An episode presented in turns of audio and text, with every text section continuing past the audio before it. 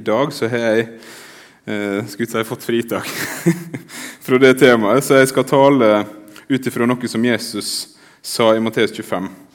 Jeg skal starte med å lese, lese de versene som det er snakk om, fra Matteus 25, eh, 31-46. Men når Menneskesønnen kommer i sin herlighet, og alle englene med han, da skal han sitte på trona i sin herlighet. Alle folkeslag skal samles framfor han, og han skal skille dem fra hverandre, som en gjeter skiller sauene fra geitene, og sette sauene på sin høyre side og geitene på sin venstre. Så skal kongen si til dem på høyre side, Kom hit, dere som er velsigna av far min, og ta i arv det riket som er gjort i stand til dere fra verden ble grunnlagt. For jeg var sulten, og dere ga meg mat. Jeg var tørst, og dere ga meg drikke. Jeg var fremmed, og dere tok imot meg. Jeg var naken, og dere kledde meg. Jeg var sjuk, og dere så til meg. Jeg var i fengsel, og dere besøkte meg. Da skal de rettferdige svare, Herre, når så oss deg sulten og ga deg mat, eller tørst og ga deg drikke? Når så oss deg fremmed og tok imot deg, eller naken og kledde deg? Og når så oss deg sjuk eller i fengsel og besøkte deg? Men kongen skal svare deg, sannelig sier dere alt dere gjorde mot en av disse mine minste søsken, gjorde dere mot meg. Så skal han si til deg på venstre sida, gå bort fra meg, dere som er forbanna, til den evige ilden som er gjort i stand for djevelen og englene hans. For jeg var sulten, men dere ga meg ikke mat. Jeg var tørst, men dere ga meg ikke drikke. Jeg var fremmed, men dere tok ikke imot meg. Jeg var naken, men dere kledde meg ikke. Jeg var sjuk og i fengsel, men dere så ikke til meg. Da skal de svare, Herre, når så vi deg sulten eller tørst eller fremmed eller naken eller sjuk eller i fengsel uten å hjelpe deg? Men han skal svare deg, sannelig sier dere, alt dere ikke gjorde mot en av disse minste, det har dere heller ikke gjort mot meg. Så skal de gå bort til evig straff, og de rettferdige til evig liv. Kjære Jesus. Du ser den teksten, eh, og du ser det jeg skal si. Jeg ber må det bli til oppbyggelse, må du tale gjennom meg. Eh, må du vise oss mer av hva du mente når du sa disse ordene. I ditt navn. Amen. Teksten i dag handler altså om den endelige dommen. Når Jesus skal komme igjen og dømme levende og døde. Og I denne teksten så kobler Jesus hvor en havna, med hvordan en har behandla en av disse mine minste søsken. Det er en tekst som utfordrer meg på mange måter. Samtidig er det en tekst som på en måte gir en slags trøst også, når du leser den fort. Fordi de som er velsigna, eh, og som på en måte har gjort alt riktig, de slår seg ikke på brystet og sier 'yes, knew it'. De sier 'hæ, hva har vi gjort for noe', sa du? Og Det er det en viss trøst i. Men det kan være lett å misforstå den teksten her, eh, hva som menes, hvem det egentlig er snakk om. Fordi det har i hvert fall jeg gjort. Eh, for hvordan skal en egentlig forstå teksten? Hvem er disse mine minste brødre eller søsken? Jeg tror De fleste av dere tenkte sånn som meg, at her er det snakk om de fattige, de som blir behandla dårlig. Eh, de som er sjuke, de som trenger hjelp, egentlig. Eh, det er sånn jeg har forstått den. Men når jeg jobber med teksten og sett eh, litt dypere, så har jeg funnet ut at selv om det virker selvsagt i mine øyne og ører at det er det det er snakk om, så er det antageligvis en misforståelse. Ikke en ille misforståelse, men likevel en misforståelse. Og nøkkelordet er brødre. For hvem er det Jesus omtaler som brødre? Når jeg så på forskjellige eh, talere og teologer som hadde hatt denne teksten for seg, så var det noen som mente at det var jødene Jesus snakka om her. At det er sitt eget folk. Eh, og ved første øyekast kan det også egentlig gi ganske god mening når en tenker på historien til jødene fra Jesus' tid til i dag. Det er veldig mange kristne som tenker, meg sjøl inkludert, for så vidt, at Gud fortsatt har en eller annen spesiell plan med dette folket. Det som i Gamle Testamentet var folket med stor F. Men siden Jesus' tid så har jødene vært et folk på flukt. De har blitt jaga, de har blitt spredd rundt omkring. De har blitt forfulgt. I Norge hadde vi en 50-årsperiode på 1800-tallet der det ikke var lov for jøder å komme inn i landet vårt engang. Det som skjedde under andre verdenskrig, ble, er på en måte det fremste og forferdeligste eksempelet på hva det jødene har vært utsatt for. Og nå i våre dager så er antisemittismen på vei opp igjen i hele Europa. Og det er noe som oss kristne skal kjempe imot. Men likevel så mener de aller fleste at det ikke gir mening at det er jødene Jesus snakker om i denne teksten. At det er jødene som er brødrene. For han snakker aldri andre plasser i evangeliet om jødene som brødre. Hvem er det da? Og svaret som de fleste har slutta seg til, eh, det finner oss når vi ser litt nærmere på hva sammenheng den teksten står i. I kapittelet før, i Matteus i kapittel 24, så har Jesus snakka lenge og langt om eh, hva trengselet som står foran for de kristne. Alle eh, de plagene som de skal møte. Den store trengsel, forfølgelse, hat. Det også ser oss i mange deler av verden i dag. Var kanskje noen av dere som fikk med dere eh, denne veka at Åpne dører ga ut sitt årlige topp 50 over farlige land å være kristen. Det er ganske mange land der du kan risikere livet bare ved å hevde at Jesus er Guds sønn. Og Det er de Jesus sikter til. Det er Jesu disipler, de som følger han, som er hans brødre. Tidligere i Matteus i kapittel 10 så kan vi lese om at Jesus sender disiplene sine ut eh, på forskjellige oppdrag. Eh, og Han sier til dem ikke ta med dere noe ekstra mat, ikke ta med dere noe ekstra klær, ikke ta med dere noe ekstra penger.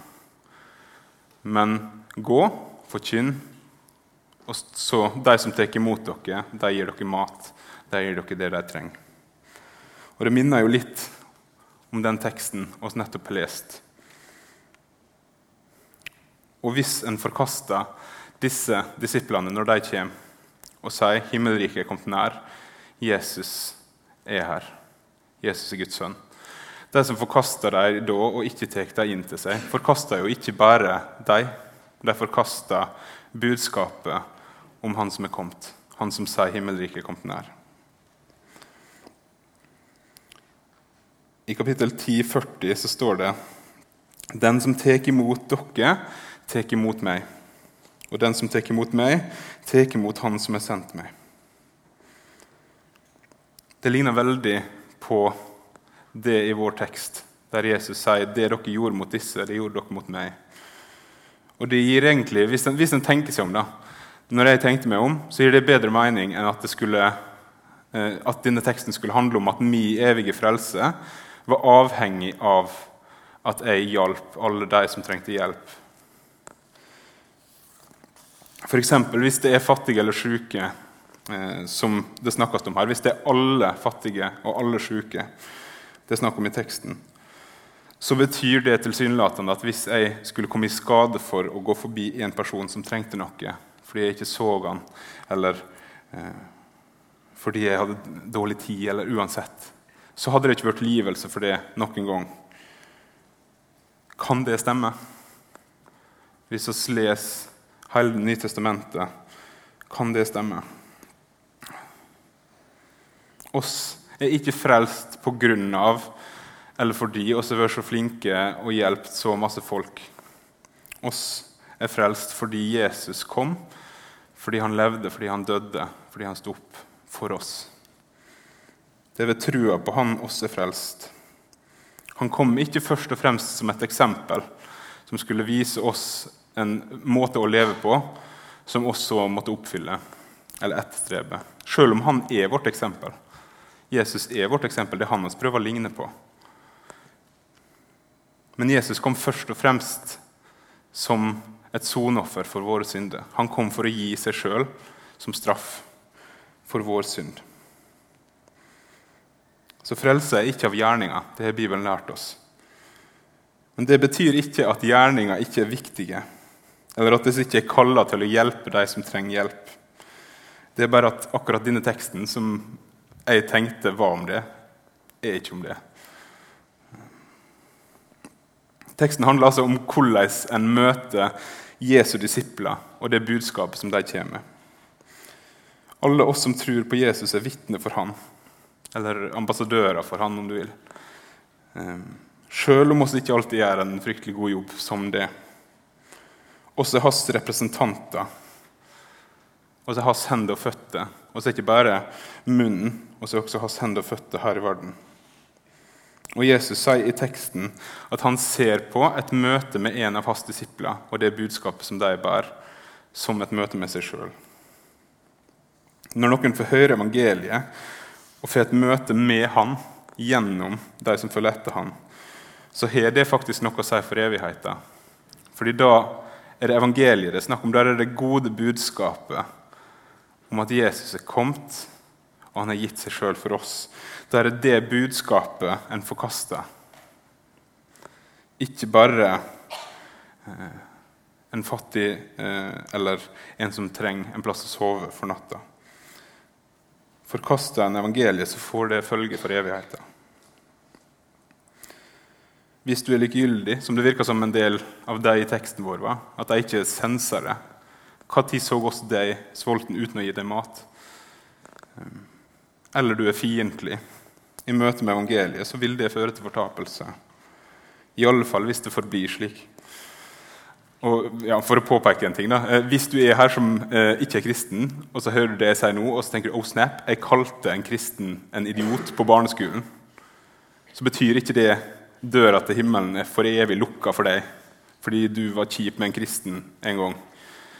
Eh, eller ti, eller hundre, for den del.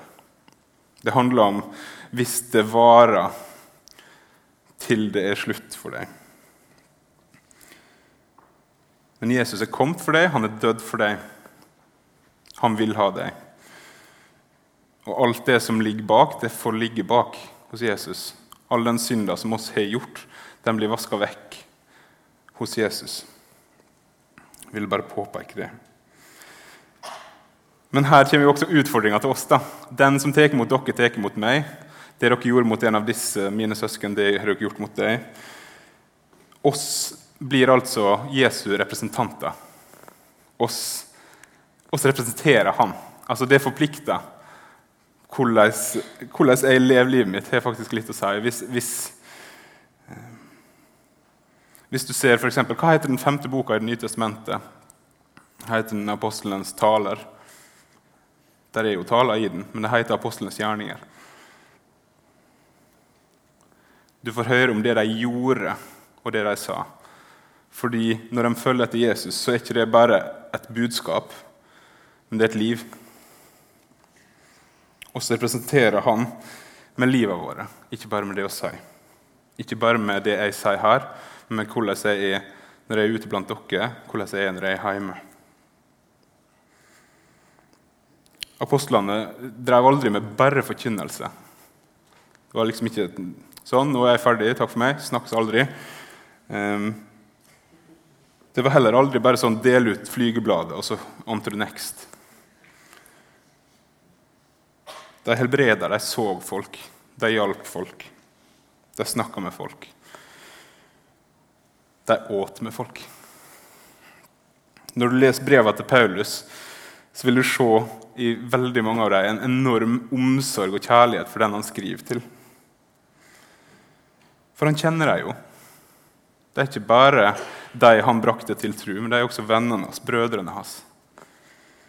Han har ikke bare hatt et budskap å gi dem, han har kjent dem. Han ønsker å fortsette fellesskap med dem. I mange av brevene så ser vi at han hilser flere av de menigheter ved navn. Helst til han, helst til hun. Hva sier det oss? Et møte med evangeliet er som regel ikke bare et møte med en forkynner eller en tale. Et møte med evangeliet skjer som oftest mellom mennesker, over middagen, på skolen, gjennom at en investerer i hverandre, ser hverandre, bryr seg om hverandre. Spørsmål, svar, samtaler som etter hvert ender opp med at en kommer til tro, eller en blir med på møte og får høre forkynnelse.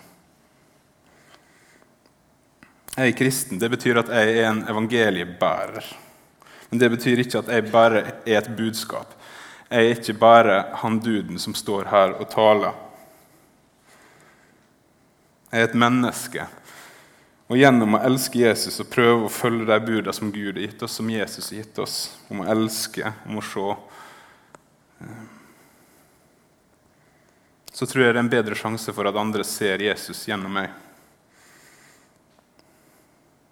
Og så tror jeg også at da, når jeg taler evangeliet, når jeg forkynner Hvis jeg har vist at jeg har integritet, så får også de ordene mer tyngde. Også kalt til å være Jesu budbærere, eh, men også, også kalt til å være hans hender og føtter. Og jeg stemmer for rettferdighet. I apostelgjerningene, i kirkehistoria og sikkert i de fleste av livet deres har dere opplevd at kristne folk på en eller annen måte har hjulpet dere, trøsta dere. Gjennom historia så ser vi at kristne veldig ofte kommer de hjelpeløse til hjelp. I, de gir mat til sjuke og sultne. De sørger for at folk får bedre livskvalitet. Ja, noen ganger så redder de også livet til folk. Og Dette var de kristne kjent for i Romerriket. Til en del av romerne sin store irritasjon så registrerte de at de kristne motstanderne tok seg av også romerske borgere. De som lå på gata, som Romerriket ikke kunne ta seg av, de tok de kristne seg av. De drev med diakoni. Og Her kommer vi jo egentlig tilbake igjen der jeg starta, med den misforståelsen av, av teksten vår. Men utfordringa ligger der i teksten. Den ligger der bare indirekte. Også Jesus' søsken, også hans ambassadører, et møte med oss, et møte med han.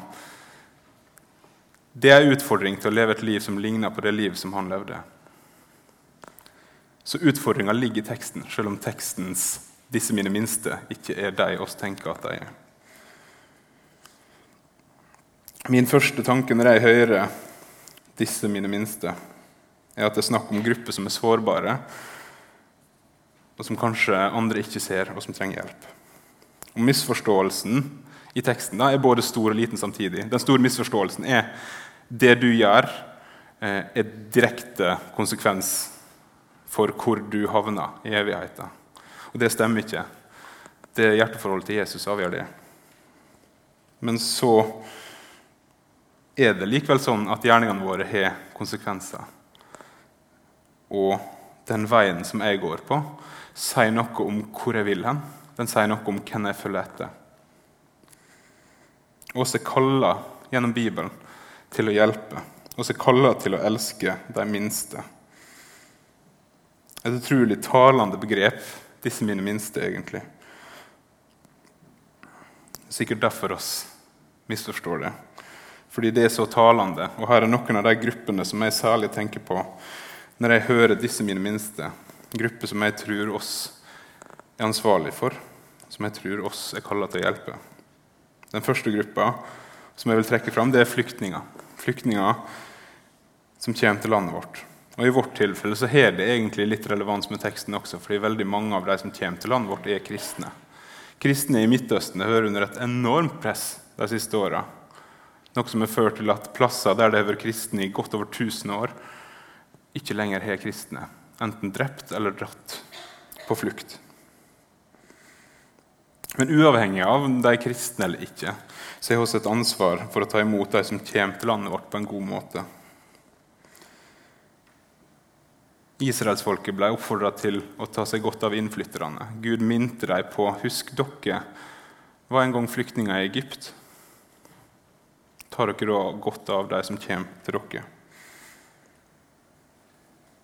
Jeg skal ikke ta stilling til hvor mange flyktninger vi skal eller bør ta imot.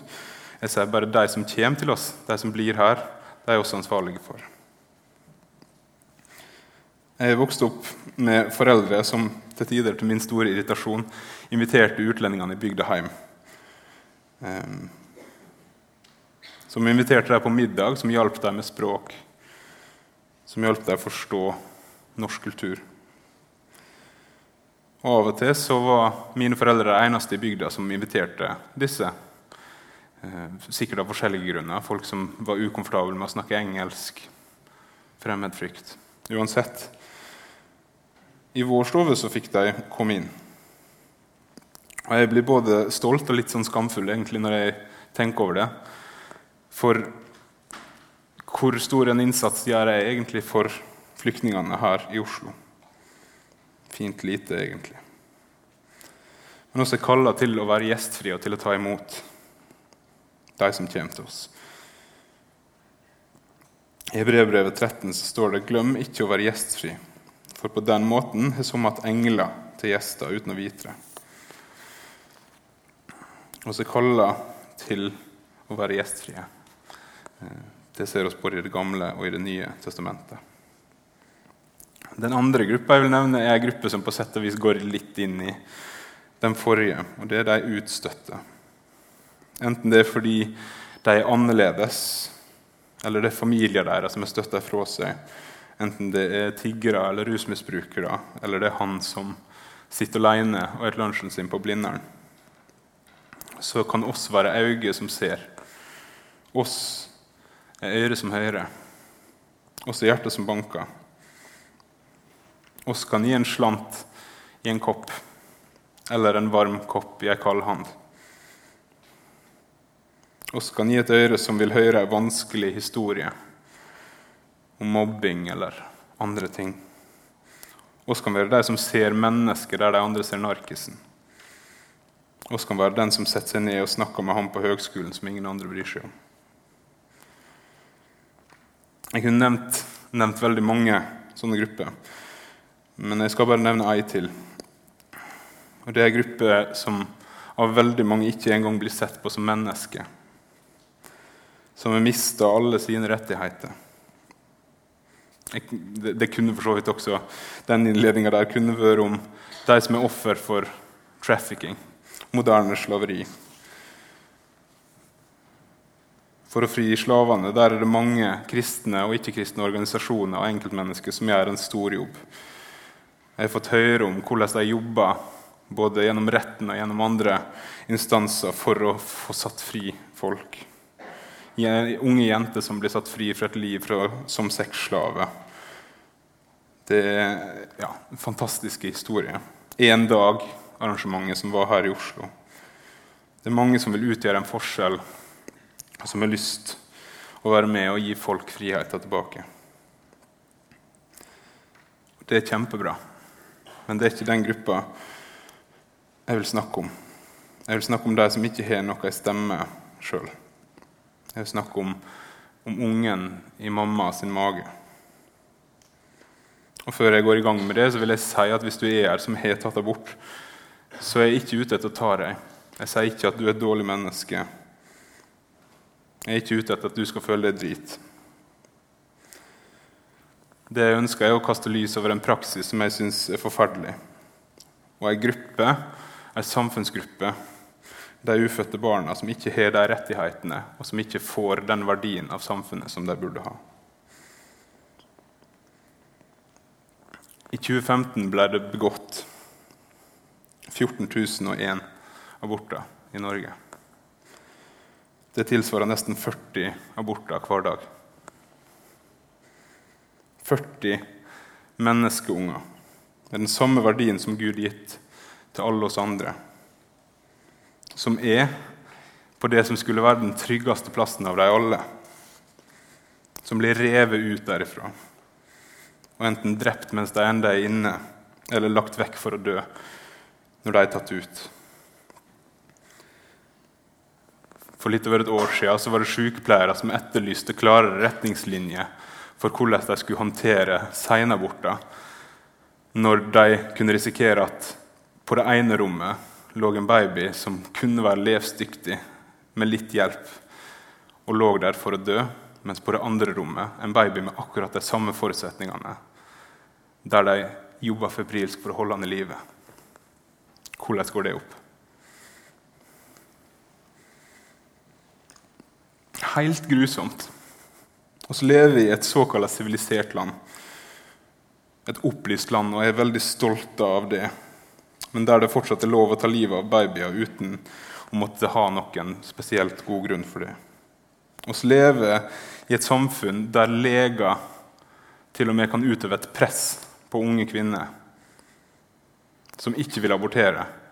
Så kommer legen og sier jo, jeg ber deg innstendig, nå må du. Der leger går inn som talsmenn for å få jenter til å drepe babyen sin. Jeg kjenner flere som har opplevd det presset. Jeg kjenner også kvinner som bærer fram ungene sine, som kanskje kommer til sykehuset når de venter nummer to eller nummer tre, der de opplever sykehuspersonalet som foraktende og får kommentarer for at de bærer fram nummer tre på så kort tid.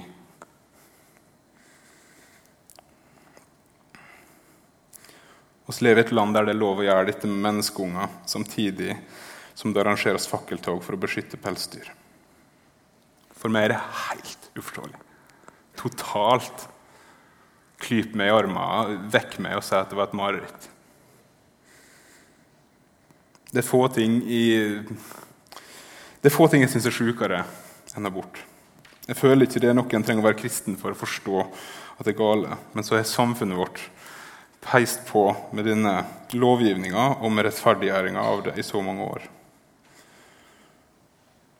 Og Da hjelper det å være kristen i møte med det, fordi da vet vi at menneskeverdet er evig, ukrenkelig, uforanderlig og er gitt av Gud. Og Bibelen sier at Gud ser oss allerede når vi er i mors mage. Men det burde egentlig være unødvendig med ekstra åndelig argumentasjon for at det ikke er greit å drepe babyer. Og jeg tror at Som kristen så er det faktisk mitt kall å stå opp for de ungene. Å være ei stemme for de stemmeløse. Å være ei rettferdig stemme, eller ei rasjonell stemme, om du vil, midt oppi all denne galskapen. Men veldig ofte så opplever jeg at jeg feiger ut. Jeg er redd for å bli upopulær, jeg er redd for å stå alene. Og Det gjelder ikke bare i abortsaker, men også på andre spørsmål. Jeg opplever at det er en følelse som er delt av veldig mange andre kristne også. For hvis, hvis, hvis vi mener det vi sier vi mener om abort, hvorfor blir det ikke arrangert et stille protesttog for disse små ungene? Hvorfor blir det ikke arrangert et endagaktig arrangement i håp om å redde i hvert fall noen av disse 14 000 ungene som kommer til å bli drept statistisk sett i Norge i år? Helt lovlig. Men så, til meg sjøl Hvis disse tingene hadde blitt arrangert, hadde jeg, hadde jeg gått i det? Hadde jeg turt? Hadde jeg gadda? I det siste har jeg blitt reddere og reddere for at jeg er blitt redd for å stå for det jeg mener, det jeg tror på. Sensurerer jeg meg sjøl av frykt for hva andre måtte si? Jeg, tror jeg til dels gjør det. Og jeg håper jeg blir modigere. Jeg håper at jeg tør å stå for det når jeg vet at det er sant. Til og med når samfunnet går motsatt vei. Til og med hvis det fører til at jeg blir upopulær, spytta på eller slengt drit etter.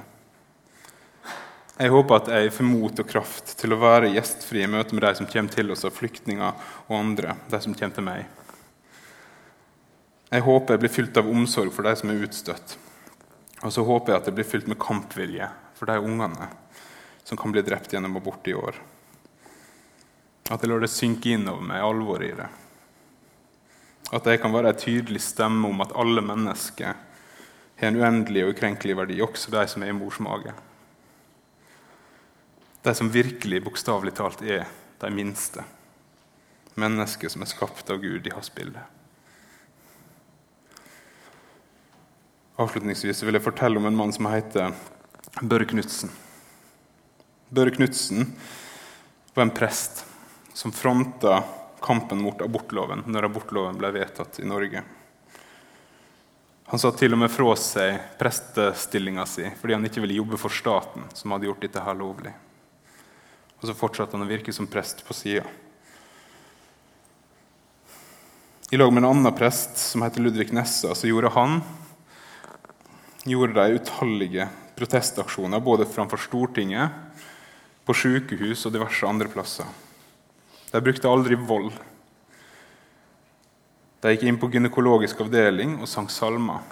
Ba for disse ungene og for mødrene deres. Og prøvde å få stoppa abortinngrep. Børre Knutsen dynka seg sjøl i ei bøtte med dyreblod foran Stortinget for å protestere mot slaktinga av unger. De foretok leikebegravelser av fosterdokker med ketsjup på for å tydeliggjøre grusomheter i det som nå hadde blitt lov, og at det var mennesker som ble drept. De var kjempekontroversielle. Alle syntes de var for drøye. Børre sin kamp mot abort kosta han og familien utrolig mye. Han var hata av hele Norge. Ungene hans ble mobba på skolen. Og Kristen-Norge var feige. Fordi de syntes demonstrasjonene var for drøye, fordi de var uenige i måten de gikk fram på, så endte resten av Kristen-Norge opp med å være fryktelig, pinlig stille når kampen sto, mens Børre Knutsen sto der med rak rygg, aleine, så å si. Han ble satt i fengsel ved minst én anledning for en av disse ikke-voldelige protestene. Han er fortsatt kontroversiell, også i konservative kristne kretser. Men for meg så er han blitt en helt. Ikke fordi jeg nødvendigvis er enig i alle framgangsmåtene hans. Men hvis, hvis, jeg mener det jeg nå står her og sier at jeg mener om abort Hvis jeg mener at det er drap av et menneske, er det da egentlig så drøyt å dynke seg i dyreblod foran Stortinget og be på et sykehus og sprute litt ketsjup på ei fosterdokke? Jeg sier ikke at jeg ville gjort det slik som han, men i forhold til, i forhold til hvor drøyt det er, er da demonstrasjonen så drøy? Jeg veit ikke. For meg så virker det som at reaksjonene på det Børre Knutsen gjorde, vitna om et folk som enten måtte innse feilen de hadde gjort, eller måtte holde seg for øynene og for ørene og rope la, la, la, la, la, fordi de inntrykka som de fikk, var for sterke. Børre Knutsen ofra veldig mye for sin kamp mot abort. Men det var hans kall. Jeg tror også jeg er kalla til å stå i abortkampen på den måten jeg kan. Jeg sier ikke at jeg skal bli noen ny Børre Knutsen. På ingen måte. Jeg sier bare at det er fryktelig mye som er på spill i akkurat denne kampen. Jeg sier at å gi opp abortkampen ikke kan være et alternativ for oss, fordi det betyr at vi gir opp for menneskelighet. Det kosta for Børre Knutsen. Men en gang, lenge etter at stormen sto som verst, så fikk han en lapp av ei dame. Hun hadde lyst til å takke for det han hadde gjort. For hun hadde vært en av de unge kvinnene som var på et av de sykehusene der Børre Knutsen ba og sang. Hun var der for å abortere barnet sitt. Men når hun så Børre Knutsen, ombestemte hun seg og gikk hjem. Når lappen som Børre Knutsen fikk, var skrevet, så var dattera blitt 14. Og denne kvinna ville takke Børre Knutsen for at han hadde bevart hennes største skatt dattera. Børre Knutsen redda altså minst ett menneskeliv, i hvert fall gjennom sin kamp. Antageligvis flere. Og Det er en av grunnene til at jeg takker Gud for det han gjorde. For han var en stemme for de aller, aller minste i en umulig kamp for dem å vinne. Til slutt. Teksten vi leste, handler ikke om det en gjerne først tenker.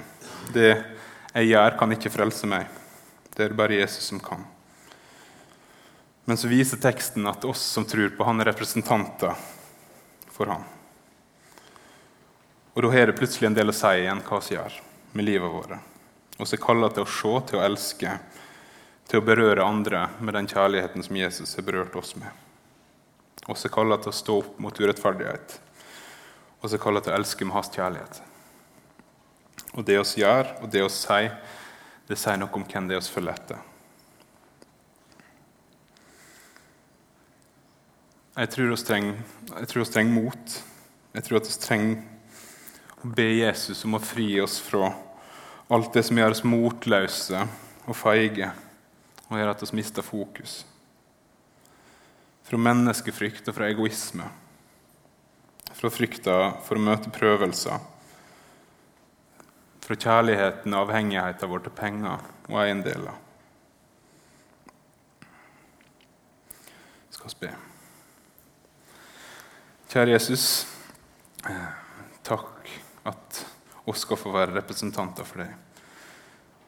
Ber om oss få representere deg på en god måte.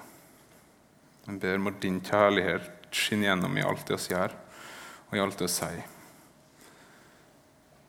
Jeg ber om at eh, de som møter oss, virkelig må få et møte med deg. At vi må være frimodige, at vi må være sterke. At vi må være villige til å åpne hjertet vårt og høre på de som har det vondt. At vi kan få lov til å løfte opp de som er nedbøyd. At vi kan få være ei stemme for de som ikke har ei. Jeg ber om i ditt navn, Jesus. Amen.